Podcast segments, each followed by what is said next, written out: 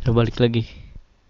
Bersama saya Akbar Mulana di podcast Retorika saja episode ke-11 Apa kabar semuanya? Menyedihkan sekali bro. Menyedihkan sekali ketika ngelihat. Gue udah seminggu nggak update gitu nggak update podcast. Harusnya minggu lalu rekaman gitu dan ternyata gue nggak sempet rekaman terus terus gue tadi ngecek gitu ya angkor gue berapa yang ngedengerin episode dua minggu lalu dan nggak ada yang dengerin. Belum ada satupun pendengar. Wow gitu kayak. Terus gue ngapain gitu kayak gini bikin podcast gini anjing. Sebel gak ada yang dengerin juga men. Yang gimana kabarnya setelah dua minggu ini? Gue kayak orang gila jadinya. Nggak ada yang dengerin tapi gue tetap ngoceh tetap bikin gitu. Aduh. Kayak pengen nyerah aja gitu kalau dipikir-pikir ya. Ngapain juga bikin kayak gini nggak ada yang dengerin gitu. Depresi aja nih. Tapi gue apa apa ah, ah gue nggak ngerti dah. Ini, ini ini buat apa gitu kayaknya kalau ini gak ada yang denger juga kayaknya gue bakal berhenti deh. Ngapain juga ya bikin kayak gini-gini?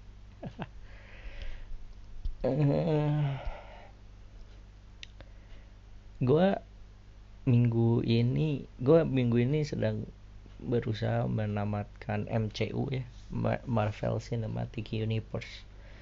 Film-film Marvel superhero Marvel dari pertama kali muncul sampai yang terbaru ya. Pokoknya dari fase 1 sampai 3 Infinity Saga katanya gitu. Dari pertama film ini berdasarkan timeline waktu ya kronologis. Jadi pertama itu Captain America The First Avenger Avenger.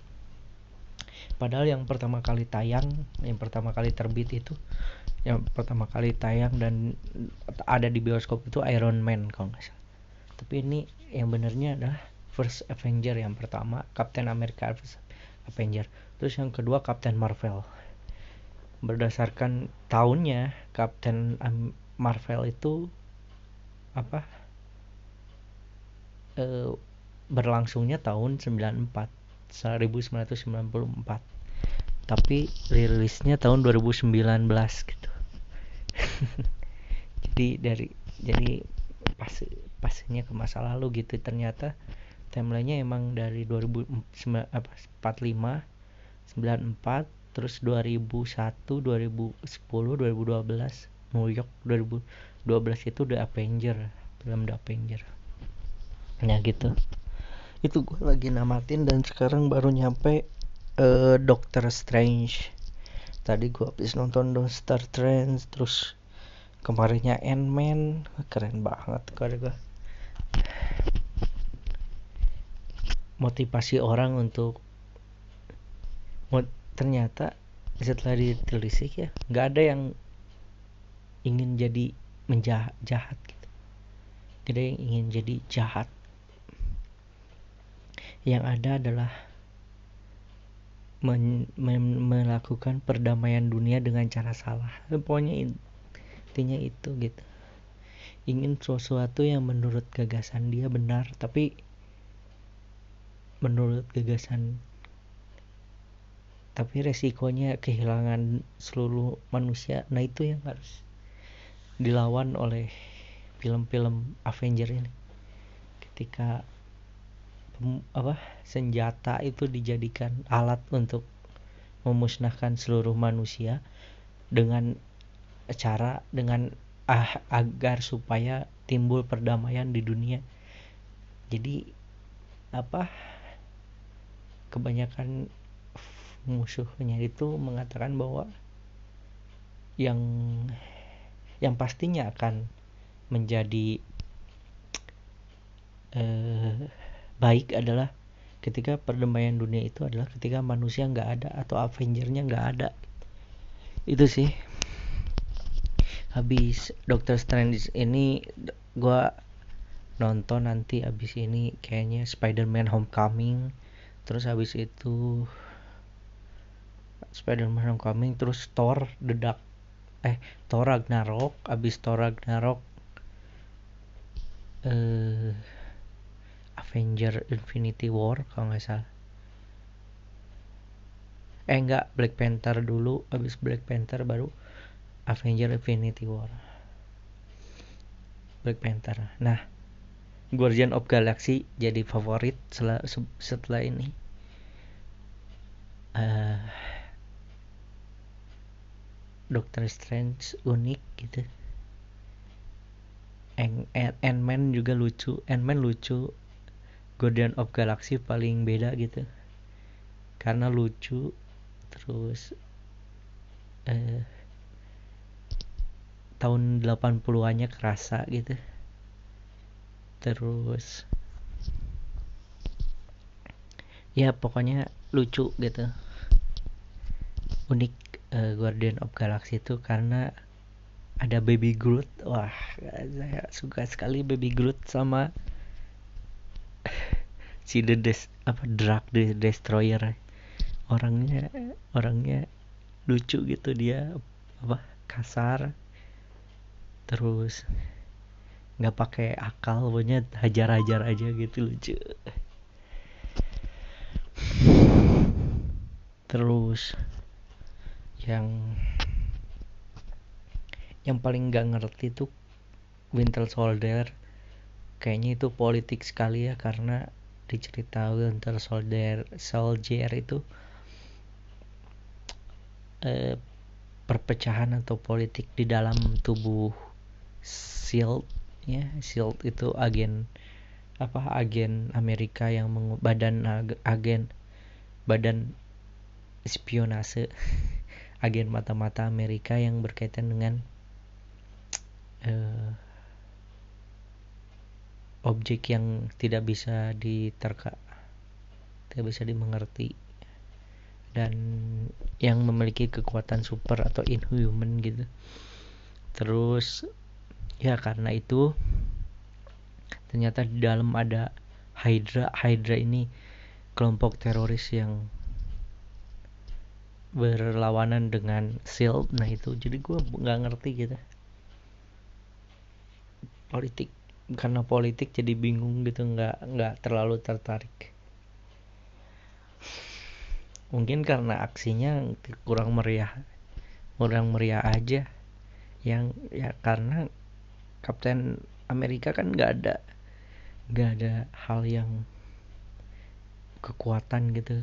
Nggak ada efek dari setiap gerakannya gitu. Dia cuma mukul tendang mukul tendang gitu. Terus Avenger Age of Ultron juga seru. Age of Ultron Eh, ketika kesepakatan apa para superhero di bawah kesepakatan PBB gitu. Ah, aneh. Menurut gua nggak usah izin lahir kalau gua di posisi itu gua nggak akan tanda tangan sih. Nggak mau tunduk sama dunia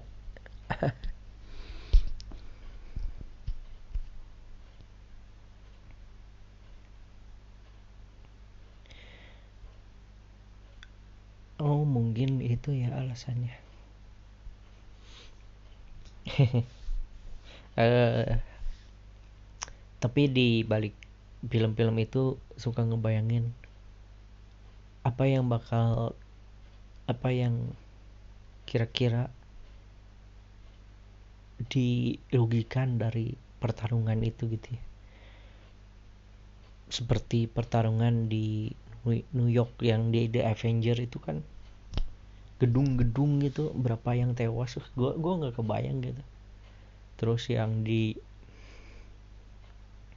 Sokovia yang Age of Ultron juga sama itu kebayang berapa banyak yang meninggal di situ gitu ya. setiap pertempuran itu pasti ada korban gitu. Jadi meskipun dia superhero pahlawan super gitu pahlawan gitu. Tapi dia membunuh gitu membunuh society yang kurang beruntung yang mau diselamatkan tapi gak bisa diselamatkan. Jadi tidak tidak bisa untuk menyelamatkan semua orang. Hanya yang beruntung aja yang bisa diselamatkan. Dan yang tidak beruntung ini gimana gitu? Pertanggungjawabannya kepada pahlawan super ini apakah itu menjadi uh, ya udahlah gitu. Apa saja atau mungkin minta dimintain pertanggungjawabannya gitu. Ih, gua nggak ngerti sih. Film bisa se filosofis gitu ya.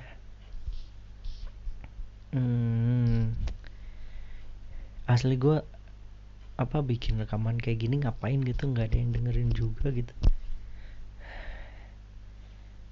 Ya, kayak males. Apa sih yang diharapin dari diri gua gitu. Nggak ada nggak ada.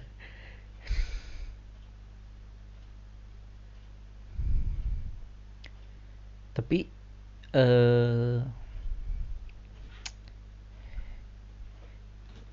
tapi ketika gua diem gitu ya kepunya omongan gitu ya, ya gimana gitu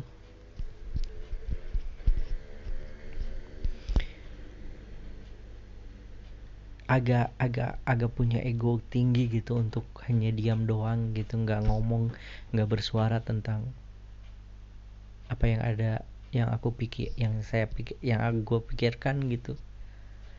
Yang ada dalam pikiranku gitu.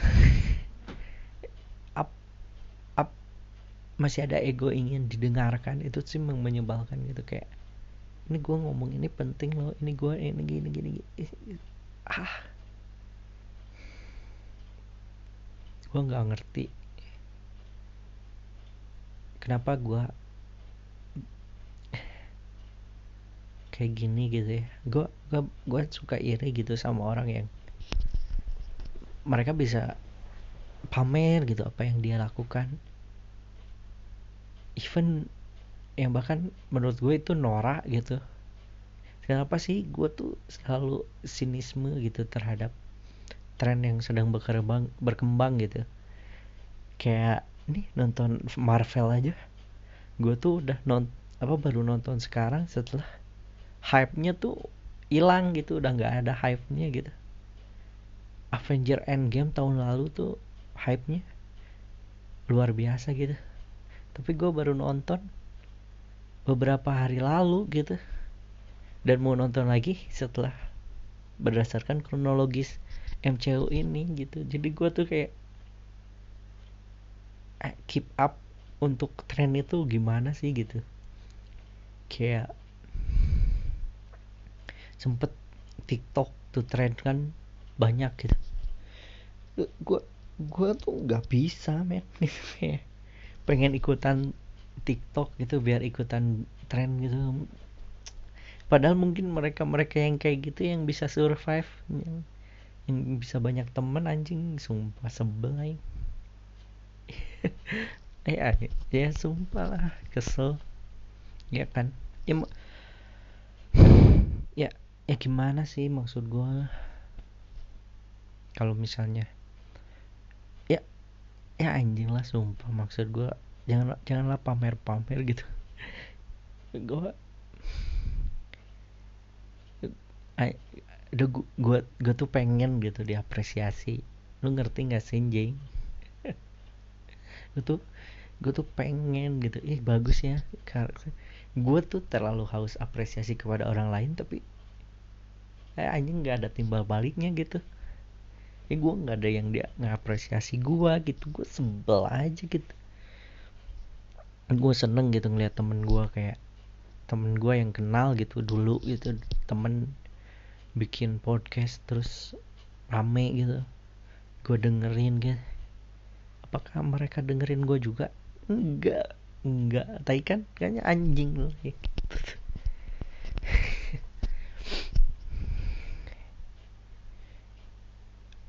jadi buat buat apa sih gue tuh? Gue gue tuh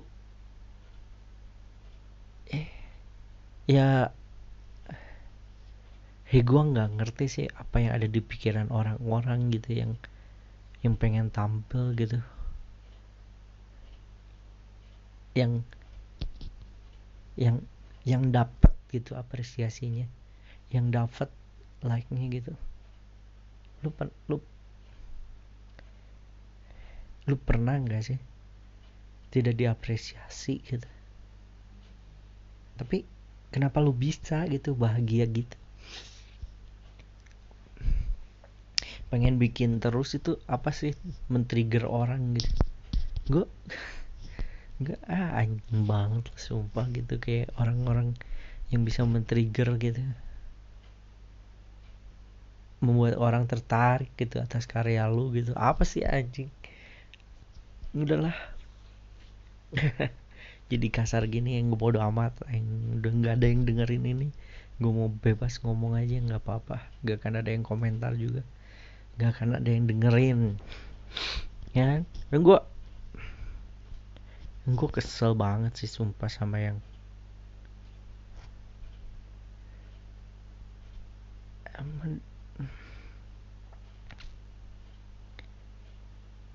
gue umur dua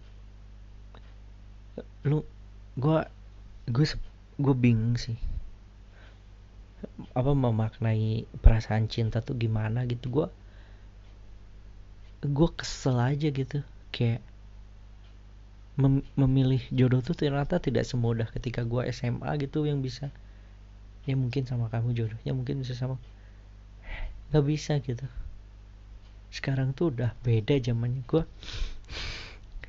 gue temen gue zaman SMA gitu ya. Orang-orang yang deket sama gue perempuan gitu zaman SMA mereka tuh barbar men. Nggak nggak nggak soleh. Dalam artian tuh nggak solehah gitu. Dan sekarang mereka udah nikah udah soleh gitu udah jadi ibu yang baik gitu.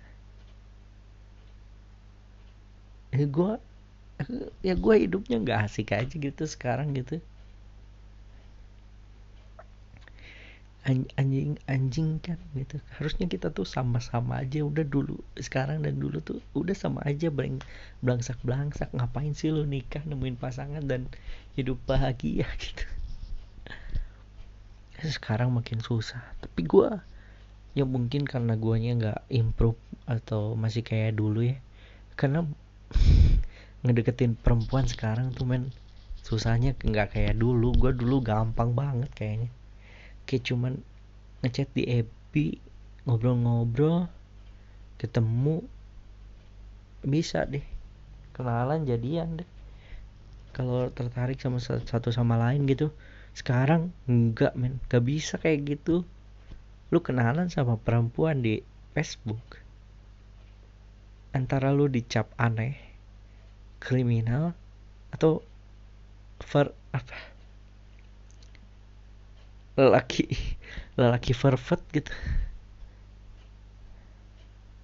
Gue ketika tahu bahwa mendekati perempuan itu harus dengan sopan santun dan jangan sampai melukai perasaannya nanti takutnya pelecehan verbal dan uh, visual atau apa gitu.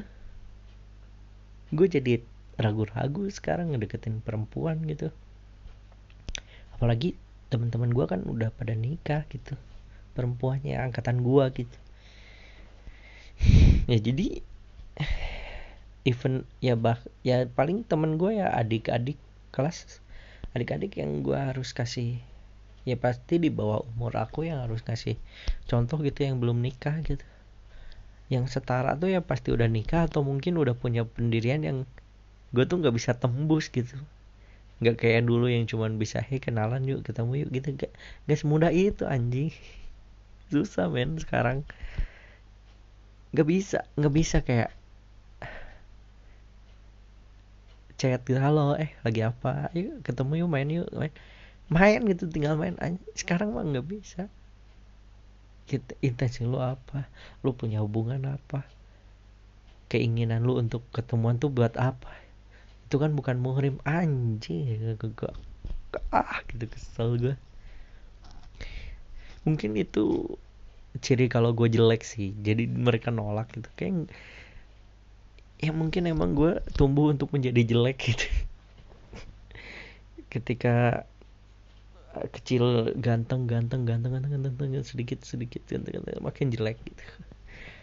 Tumbuhnya ke berkurang gitu wajahnya apa kurvanya nggak ke plus gitu makin ganteng makin tapi ke minus.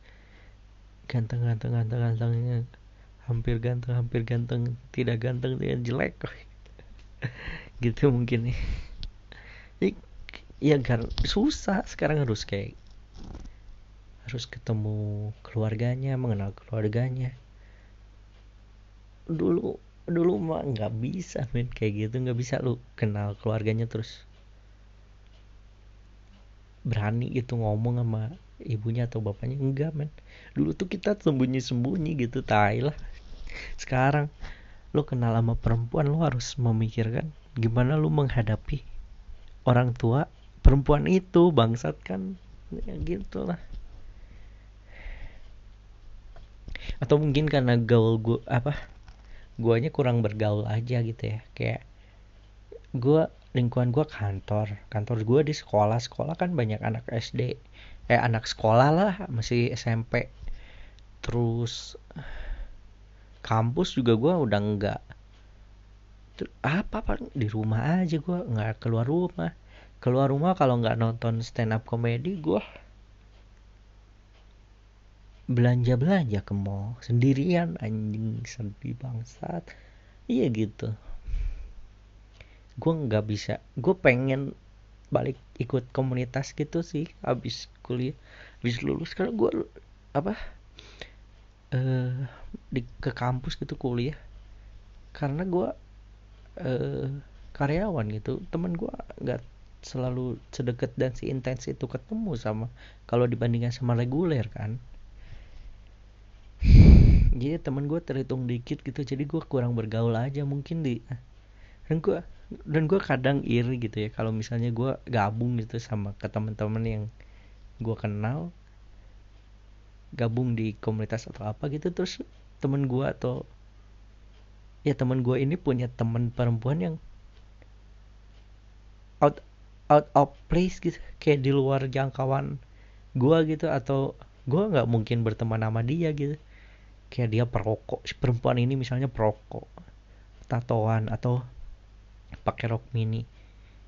Itu tuh hal-hal yang gue pengen deket sama mereka tapi gue tuh kayak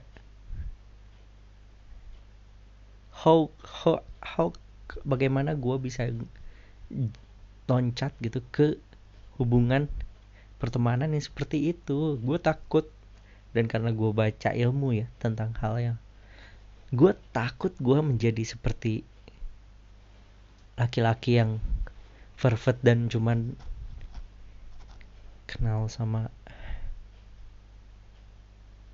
uh, kemolekan tubuhnya gitu soal seksnya doang gitu. Gue takut gitu ada intensi untuk ke, menjerumus ke seks gitu. Karena gue tuh ini jujur aja ya gue tuh kayak nggak bisa mengontrol diri gue untuk uh, memisahkan gitu antara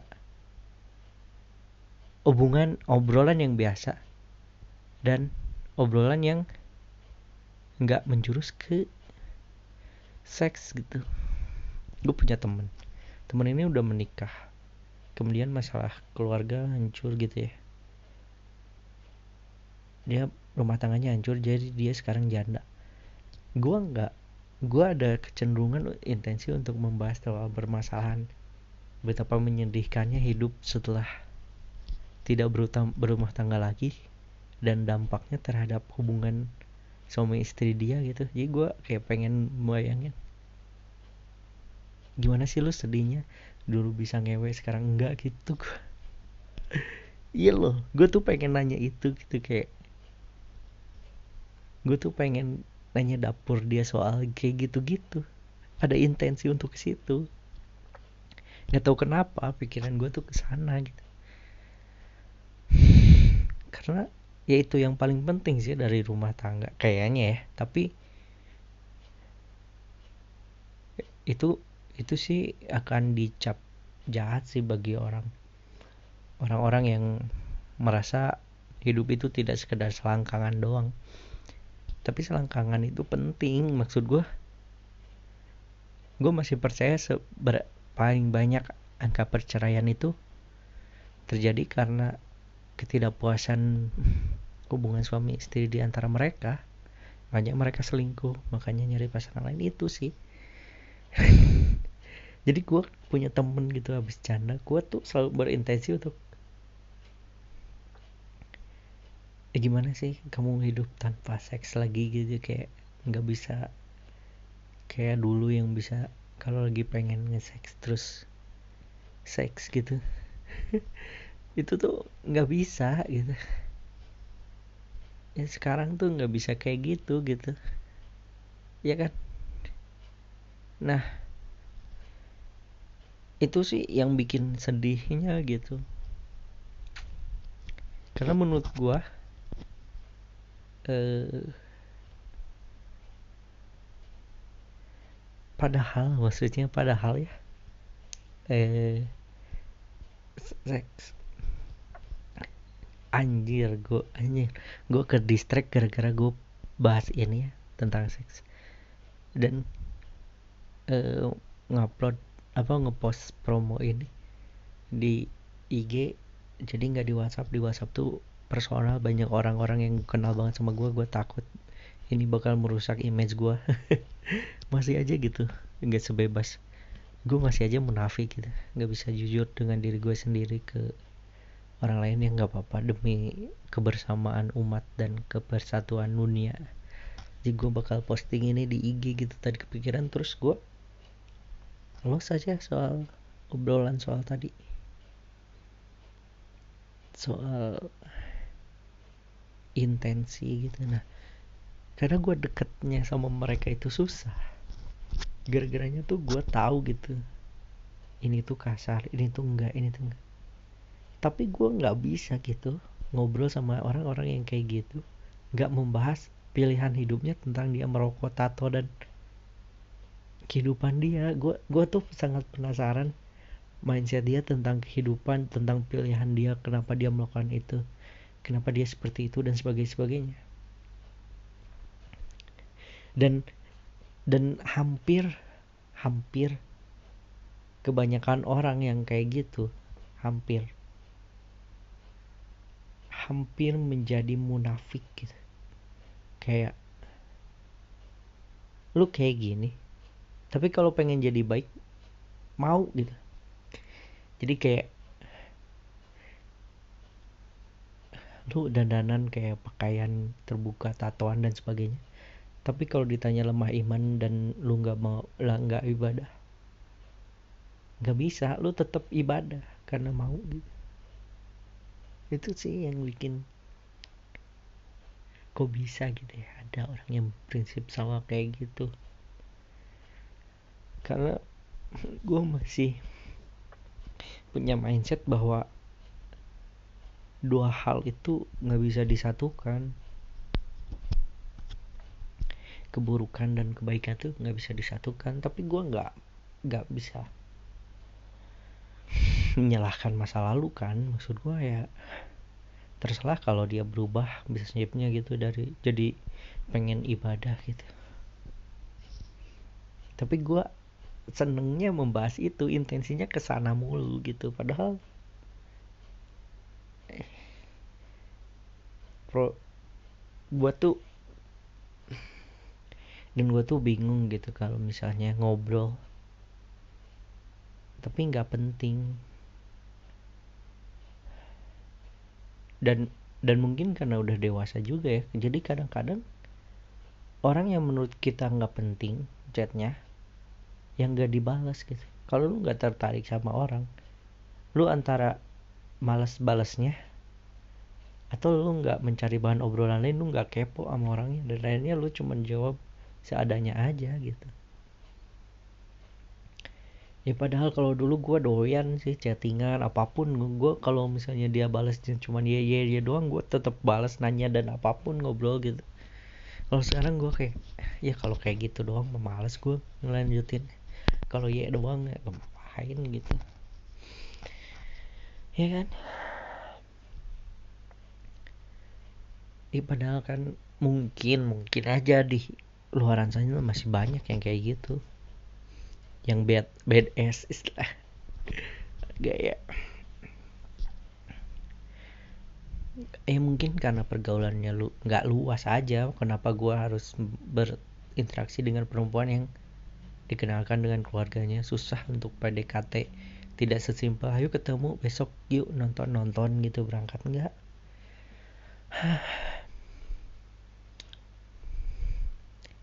Gue pengen sih memperbaiki diri gue gitu. Jadi lebih baik. Tapi buat apa? Ya gue sebetulnya gue tuh bersyukur gitu ya. Dengan dengan semua kesalahan tadi gitu ya. Tapi ya udahlah. Kita lihat aja ke depannya gimana. Apakah gue bisa menemukan seseorang yang bisa membuat gue lebih baik gitu. I mean uh, perempuan yang bisa membuat hari-hari gue lebih menyenangkan. Atau mungkin gue bakal gini-gini terus aja sambil dengerin kengocehan ini sampai gue gila sendiri. Oke segitu aja. Terima kasih dan sampai ketemu lagi di podcast retorika saja untuk episode sel selanjutnya. Saya Akbar dan jangan dengerin. Dan jangan semuanya dimasukin ke hati karena semuanya hanya retorika saja. Terima kasih